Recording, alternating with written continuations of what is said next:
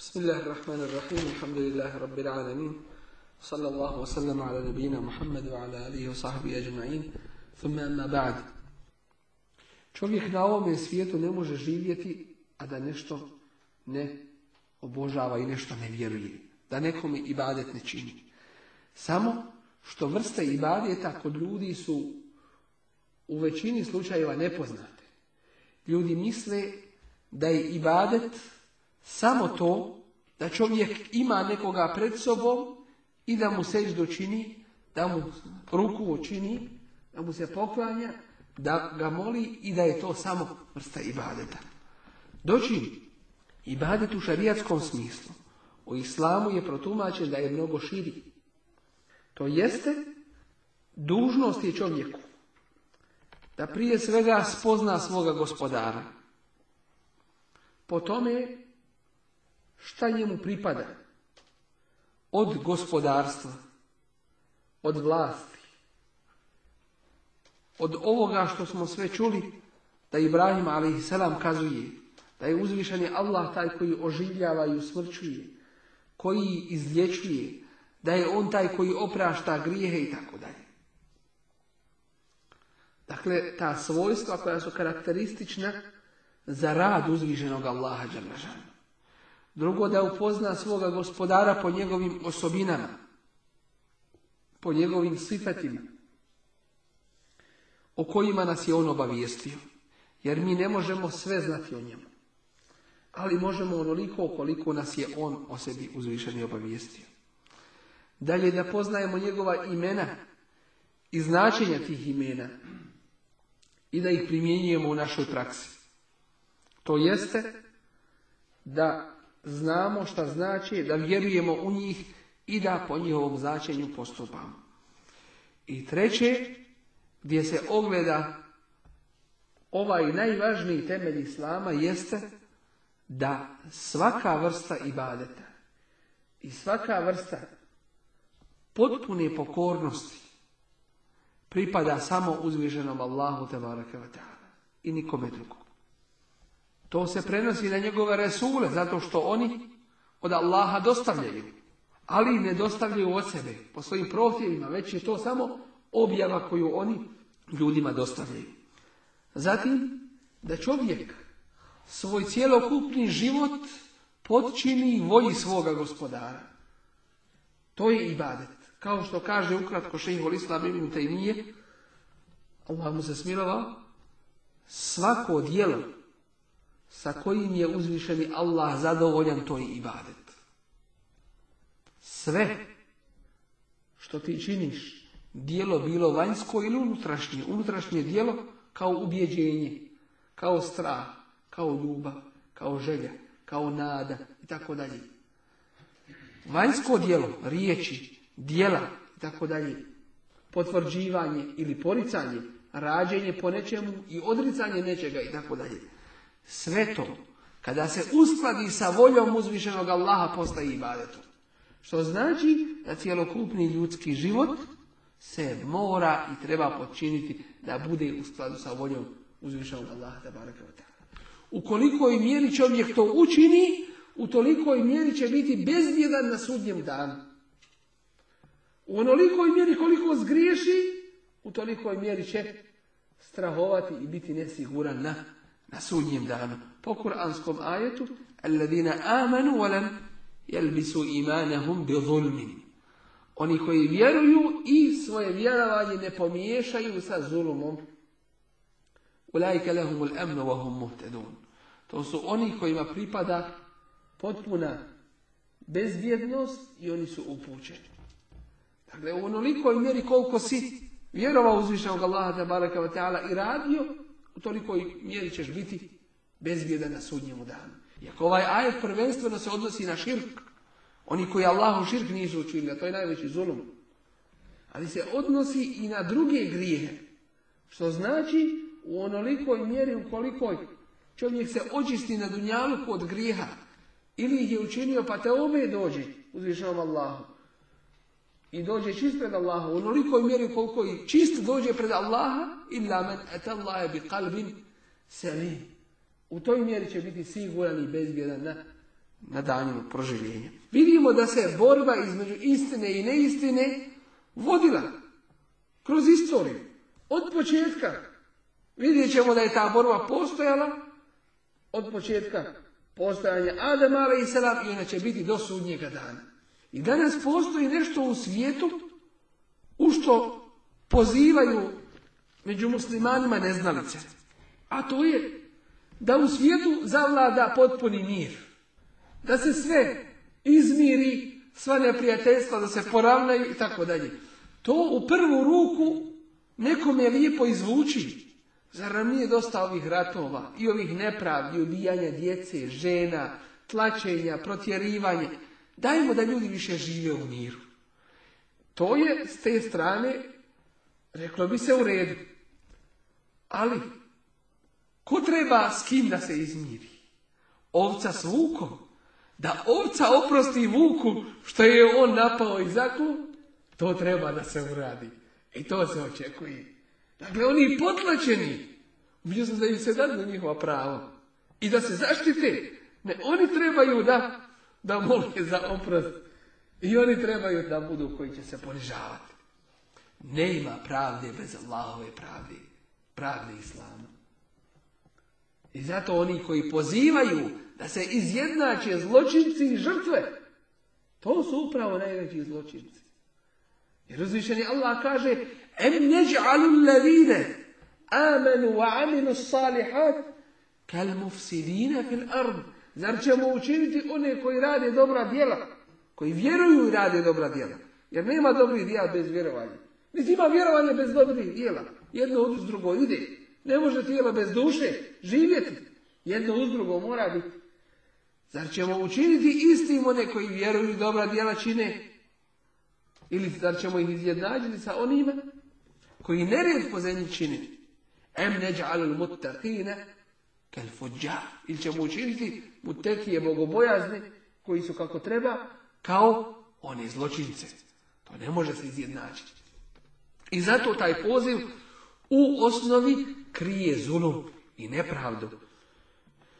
Dakle, da se nikada pravo ili pravda ne dadne i ne ispoštuje, već da ljudi žive na onome na čemu žive. Niti da se kaže zločincu to ne valja i to ne smiješ, a da uvijek bude taj koji će trpiti onaj koji je, onaj koji je kako treba.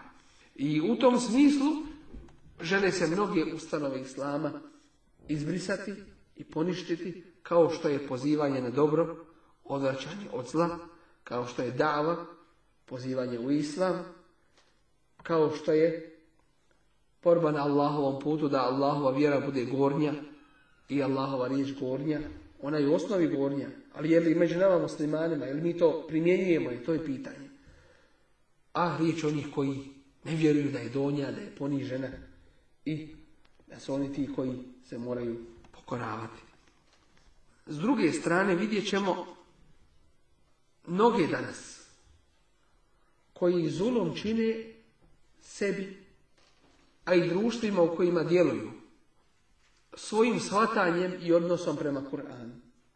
Oni kažu Kur'an je objavljen u jednom vremenu i u jednom određenom prostoru. I on je za to vrijeme. Kada se govori o kipovima, o idolima, to mi danas ne nalazimo u ovim modernim, reklo bi se, društvima, razvijenim tehnološki, naprednim, industrijski i tako dalje. Hoće da kažu, Kur'an je za ono vrijeme. I vjerujte u Kur'an onoliko koliko će biti jedan mali neobavezni dio vaše kulture Koje ćete se moći uvijek odreći. Ili držite se Kur'ana poslije svoje smrti. Nemojte za života. Ili ako ćete za života držite se Kur'ana u džamijama samo. A ne u svom svakodnevnom životu. Dakle, Šeitani pokušavaju, igraju oko čovjeka. Što kažu u našem narodnom primjeru, kolo se igra oko čega? Oko hođinog jorgana. Tako šeitan pokušava. On ne može izmijeniti uzvišeni Kur'an. Ali nađe svoje sljedbenike. Nađe svoje žrtve. One miskine, jadnike. Koji misle da su dokučili nebesa. Koji divnu nos. Filozofi nekakvi i onda oni ne uzubila. Pošto ne mogu iskriviti Allahov govor onakav kakav je, oni pokušavaju krivo ga tumačiti. Iako ajet koji citiraju je dokaz protiv njih, a ne za njih, koji je svjestan toga. Ali jo, on ti kaže, bijelo je, ali je crno. I ljudi to slušaju tako, kažu, pa pametan, ne može budalaštine govoriti. Ne može niko veće budalaštine govoriti o takvom pametnom koji je spreman svoju pamet uzeti, pokriti je i govoriti gluposti. A gluposti su sve ima Kur'ana i praksi Allahovog Resula ali i I zato vidjet ćemo danas takvi koji pozivaju u to da Kur'an bude samo da se uči mrtvima, da se Kur'an ne tumači i tako dalje. Jedno vrijeme je živio naš muslimanski narod u shvatanju da se ne smije Kur'an tumačiti. I širili su tu ideju da je haram Kur'an tumačiti. Što? Što je haram? Kaže, jer možeš pogriješiti. Ako pogriješ u Allahovom govoru, džehennem, kufur, gotovo je. I zato, niti je na hudbama išta govoreno na našem jeziku. Ljudi, kako bi se popni, tako bi si išli. Ništa se ne razumi. Često i onaj koji govori ne razumi šta govori. I zato se nalazilo među onima koji su hudbe držali, da su dove činili sultanu Hamidu koji je davno preselio da mu Allah ojača vlast, da ga učvrsti njegove ministre koji su davno istrunuli, Allah najbolje zna. I šta je sve bilo? A svi je dole Amina. Ne zna ni, ni onaj što govori, ni onaj kome se govori. Osobito kad se govori o Kur'anu.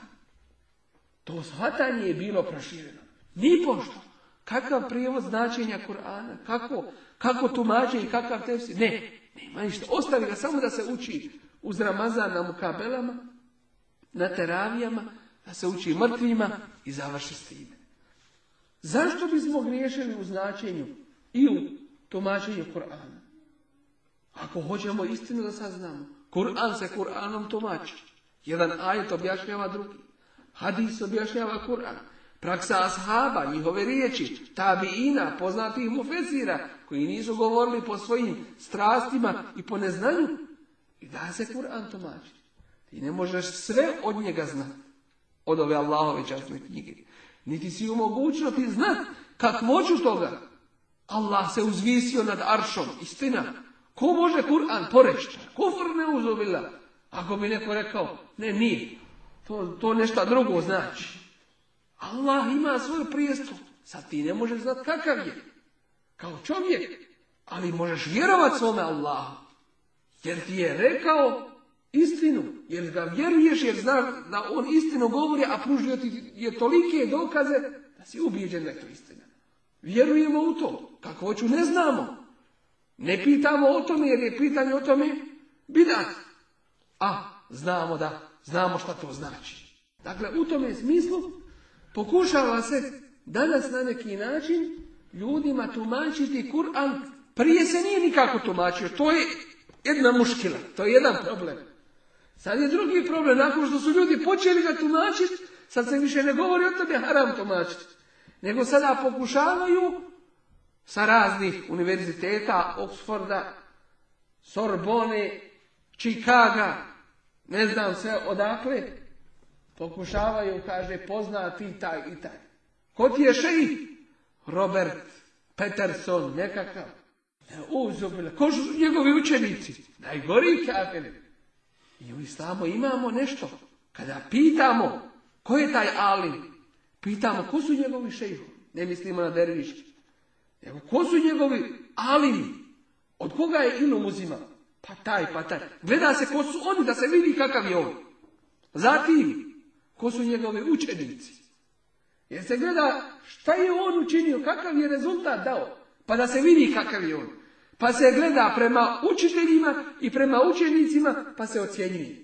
Nije kao danas. Dođe ti čovjek, hoćeš mi napisati garanciju, tezkiju. Hoću, daj bismillah. Neki čak imaju jedan formular, samo se potpiše, ime se napiše, pečat udari i garanti. Čovjek dolazi, Omer radijallahu an, i garantije kao, ja znam ovoga čovjek. A on ga pita, jesi s njim trgovao? Kaže, nisam. Jesi s njim putovao? Kaže, nisam. Jesi li možda njegov bližnji komšija, pa znaš, čuješ šta se govori, znaš kad izlazi, kad ulazi, kako živi, kaj nisam. Kaže, možda si ga vidio u džamiji, ruku učini i seždu, pa potom je garantuješ po njemu. Idi jer ti mu nisi svjedok, ti ga ne znaš. Dakle, traži se garancije. Ko je taj od koga primaš ilum? I ko je taj kome si ilum rekao i kakav se on pokazao na dijelu? Da se vidi kakav si ti. Danas se od svakog prima ilum, nažalost.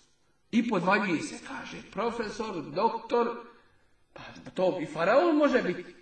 I bili su i Tito imao doktorske dizertacije neke počasne i ova i ona. A suđa je nemlije. Šta im to koristi? Kažu poznati. Pa faraon je poznat isto tako. Priznati od koga je priznat. I tako dalje. Danas se pokušava, nažalost, i ovo je posebna tema o kojoj se može govoriti, pokušava se reći i tumačiti islam kroz Kur'an, kroz iskrivljavanje riječi u Kur'an. I to upravo neki radi od ovoga umeta slijedeći one koji su ih pretekli prije od židova i kršćana. Juharrifuna al-kelime Al mawadi'i. Iskreću riječ da nije onakva kakva je u biti. I danas ćemo takvih naći. Sažetak ovog svega pokušava se reći Islam je za ono vrijeme za ono dobro. Danas ga učimo samo radi bereketa. Pa kad ni to nije uspjelo, šta onda kažu? Onda su ljudi imali shvatanje Kur'ana, a i mi sad imamo shvatanje Kur'ana. Jedan od profesora islamskog fakulteta u jednom pisanju svome piše neuzovila. Kaže, ko mene prisiljava da ja prihvatim tumačenje jednog pustinjaka? Sama naziva pustinjakom neki. Neuzomila. Kaže, on je imao svoje shvatanje i ja imam svoje shvatanje. Kur'an je univerzalan, ali ja ću ga tomaći kako meni odgovara. Isti onaj princip što rade oni pokvareni i iskvareni orientalisti. Prvo pohvali, a onda sroza. Tako kažu. Mohamed, to je genij. To je prvak čovječanstva. A on je napisao Kur'an. Šta to treba znači? Znači da je slago sve što je rekao da je to od Allaha ne uzdobila. Tako i oni kažu. Kur'an je uputa, Kur'an je sve, Kur'an je kako treba, ali ja ću ga shvatati kako ja hoću. Hoće da se otrese od svih onih usmjerenja, mi nećemo reći okovi, jer to nisu okovi, nego su to usmjerenja, kako se shvata Allahova knjiga. Hoće svega toga da se otrese. Da kaže, ja je ovako shvatam i vama je tumači. Ne bi li se poigrao sa Allahovom neuzubila knjigom. I zato, opet, kao sažetak, ja kažem, pokušava se reći, ajdi koji nam govore o akidi, o borbi između istine i neistine, borba protiv kipova, obožavaoca kipova i tako da je toga više nema. Danas je pitanje ekonomije, danas je pitanje politike, ujedinjenja i tako dalje nažalost, prevareni, u najmanju ruku, ako nisu od onih koji drugi zavaravaju.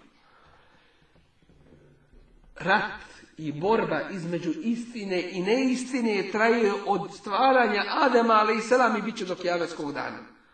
Ti kipovi koji se u Kur'anu spominju, danas postoji u ovome ili onome obliku. Čemu nas je poučio Allahov Resul, ali i sada selam. Dovoljno nam je to, što nam je rekao da slijepo stiđenje nekoga i nečega ili nekih principa znači uzimanje toga za božanstvo. Bi imalo ono svoj oblik ili ne imalo. Imalo ono svoju vanjsku neku formu ili ne imalo. Ali uzimanje nečega drugoga mimo Allahovog zakona, mimo Allahovih principa, to znači u osnovi nijekanje šahadata la ilaha illallah Muhammedun Rasulullah. I zato Musliman kad uči Kur'an kao da nam je sada objavljen nama. Nama jeste sigurno, nama je upućen, ali ne samo nama, nego i nama i ostalima. Ali kada nam govori o ovim događajima, dužni smo pouku uzeti. Pogledajmo ukratko nakon što je pročitan prijevo značenja i tefsir ukratko ovih ajeta, da ukratko sažmemo ova značenja. Prvo uzvišnji Allah nam kaže Reci im, obavijesti ih o vijesti Ibrahimovoj. Nije rekao događaj i tako Nebe ima različito značenje od riječi haber u arapskom jeziku. Zato se kaže amme sa elun, a nebe i ravi. O čemu oni jedne druge pitaju? O velikoj vijesti. Jer se za važnu vijest kaže nebe. Od toga je en nebi. Onaj kome su važne vijesti dolazile. Vjerovjesnik. I zato kaže ovdje Kur'an, vatlu. Šta znači vatlu? Učiti. I ovdje bih htio da vi shvatite značenje Kur'ana. Kako se tumači Kur'an? Da ovaj prijevod, da je to jedna daleka, blijeda slika samo onoga što što je kuranski izraz. Ovdje kaže i kaži im vijest i Ibrahimu. Naš govor uobičajen. Ali nije tako ajet to potpunosti. Ne možemo se puno zadržavati, ali da vam samo ovaj ajet kaže. Tilavet u arapskom jeziku se razlikuje od kiraet. Kiraet znači čitanje. Ali tilavet znači uz čitanje. Znači posebna vrsta čitanja. Drugo, tiravet znači da ga neprestano učiš i čitaš. Tela jednu znači ovo slijedi to. Znači dolazi jedno iza drugoga. Kad ga jednom taš opet ga pročitaj. I to nije naredba da se kaže reci im završeno s time. Nego stalno ga vetlu. To i to. I onda ovaj val znači događaj o Musa'u, ali i salam se završio u ovoj suri, e uz i, i ovo reci. Ve. I Uči im i stalno, neprestano im kazuj nebe je veliku vijest Ibrahimovu. Nije rekao o Ibrahim, nego Ibrahimovu vijest. A to je razlika. Jer događaj kao da je Ibrahimov, jer je on postao dio vjere. Moraš u njega vjerovati, ako zanijećeš Ibrahima, zanijepo si vjeru. Jer onaj ko se preda Allahu, Allah ga uzdigne. I onaj ko radi za ovu vjeru, Allah je spreman i kaže da zbog jednog čovjeka narodu cijelove može rat uspostaviti. Zbog jednog čovjeka. I kaže vijest Ibrahimu. E kaže ovdje o Ibrahimu, događaju Ibrahimu. Jer ovaj događaj nije odvojen od Ibrahima. To je sastavni dio njega. Zato što se žrtvovao, zato što je stao pred svoj narod cijelokupni. I rekao, svi ste vi meni neprijatelji. Sve što obožavate, svi ste mi neprijatelji osim Allaha. Jer oni obožavaju uz Allaha nekoga. Pa da ne bi taj njegov govor i neotice nosio u sebi širka i grijeha, da kaže ja se odričem svega što vi obožavate. Ne. Kaže odričem se svega što obožavate osim vašeg obožavanja Allaha. Znači priznaje to, a ono drugo nije i zato čovjek kad puno govori, treba da kaže subhanak bihamdik, ašhedu en la ilaha wa Da ne bi slučajno u svome govoru rekao nešto što ga izvodi iz vjere, on nije ni svjestan. I zato čovjek se čuva, sve se piše. Imam Ahmedu kada su rekli u teškoj bolesti, kada je govorio a, a, boli ga, bolest, smrt se prikućuje, dolazi mu jedan od mufesira, et koji se zove. I kaže, mi smo obaviješteni. Zna se od koga? Od Asaba, Asabi nisu po sebi govorili, po svojim nahođenjima. Kaže, mi smo obaviješteni da se čak i to A piše od strane Meleka. I kaže se, od tada više imam Ahmed nije u svojoj bolesti govorio A. Nije jaukao što bi se reklo. Čak se i to piše od strane meleka. Iako to nisu riječi. Ali to ukazuje na nešto. To govori o žalbi. Kao da se žališ na tu bolest. A ko ti je dao bolest? E to je to. Potpuno shvatanje i čisto i čvrsto i temeljno izvorno shvatanje akide i vjerovanje. Da to nije kao što neki danas smatraju i misle, nevažno, drugorazredno, da daj nema doći do vlasti. Daj nama skupi što više para, pa mi kad dojačamo, mi ćemo raditi po Koranu. Onda pogotovo nećeš raditi po Koranu. Zato što se toliko žrtvu učinio da dođeš do toga. Zar nisu pejgamberu, ali sad sam nudili. Evo ti vlast, evo ti čast, evo ti šta hoćeš. Malo popusti, odredi se malo. Kao da smo mi zagrijani i zavjer od njega. Kao da on nije mogao pomisliti, pa dobro, kad dobijem vlast, onda ću ja uspostaviti islamsku vlast. Ne može to tako. Ne ima tako toga rada. Hoćete ovo? Nećete? Boga mi, teško vam se piše. Zato u tome smislu ta borba se vodi od početka do kraja. I ona je još uvijek prisutna. Iz je li ebihi wa Kada je rekao svome ocu i svome narodu. Mata abudun, šta vi to obožavate? On njih ne pita šta obožavate. Vidi svojim očima šta radi. Ovo pitanje u tefsiru se zove pitanje ne, nijekanja i negacije, poricanje. Šta to radiš kad pitaš nekoga? Ne pitaš ga što ne znaš šta radi. Nego to je jače nego da mu kažeš nemoj to raditi. Šta to radiš? Čudiš se. Uz to, nije kanje ti se čudiš, šta to radiš? Mata budu, šta to obožavate? A on vidi šta obožavaju. Ali hoće od njih prvo na taj najveći način da im ukaže na taj zločin koji radi. Obožavaju nekoga mimo Allaha I drugo, da ih odrijedni, da dođu u sebi, da ih malo vrati u njihovu stvarnost. Mata budu. Pazite ovdje. ili kale.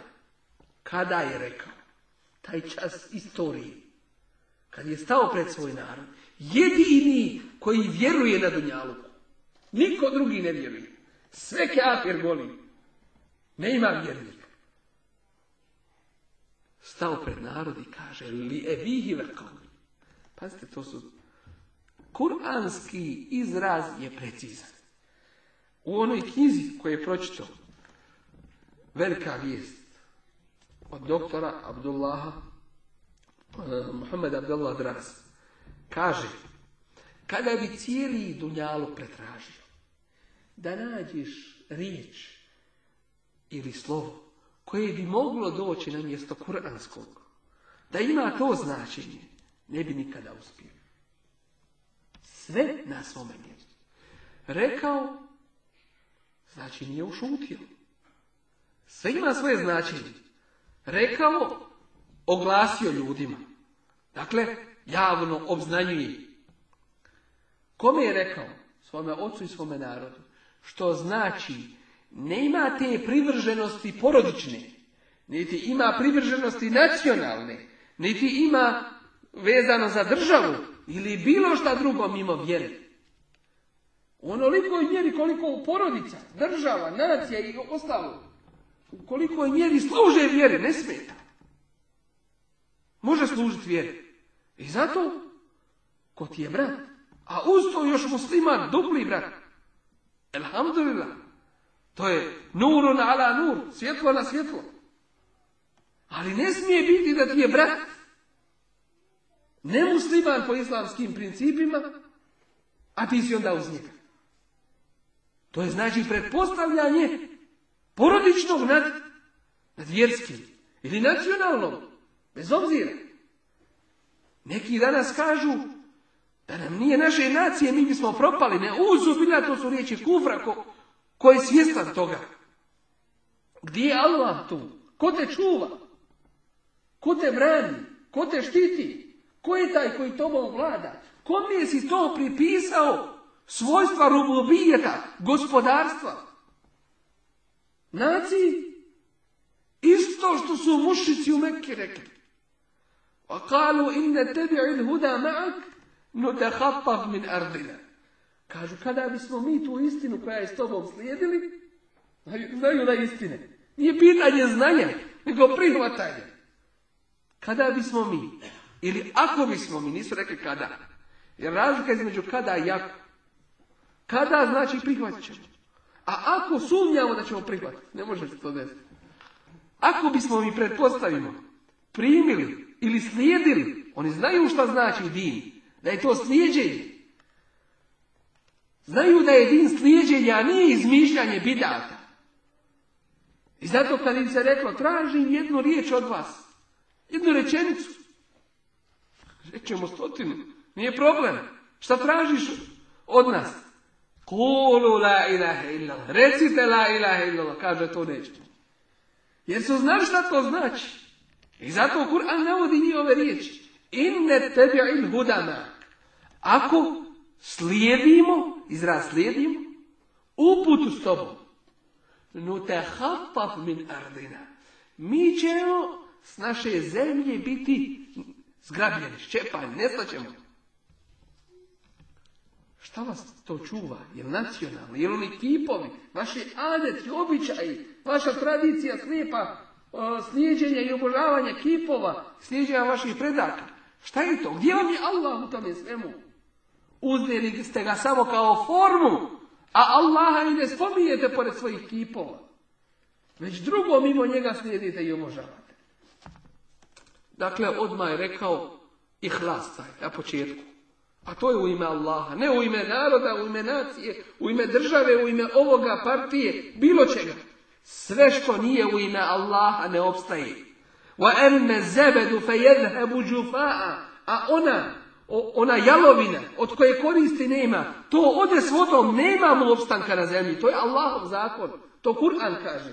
Wa emma ma النَّاسِ nas فِي A ono što koristi ljudima, to ostaje na zemlji.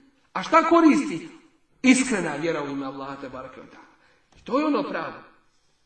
I zato oni koji misle da će nekakvim dijeljenjem na stranke, na partije, na nacionalno, na porodično i bilo kako drugu, bilo kakav drugi princip, ostavljajući vjeru da će moći uspjeti, samo sebe zavaravaju.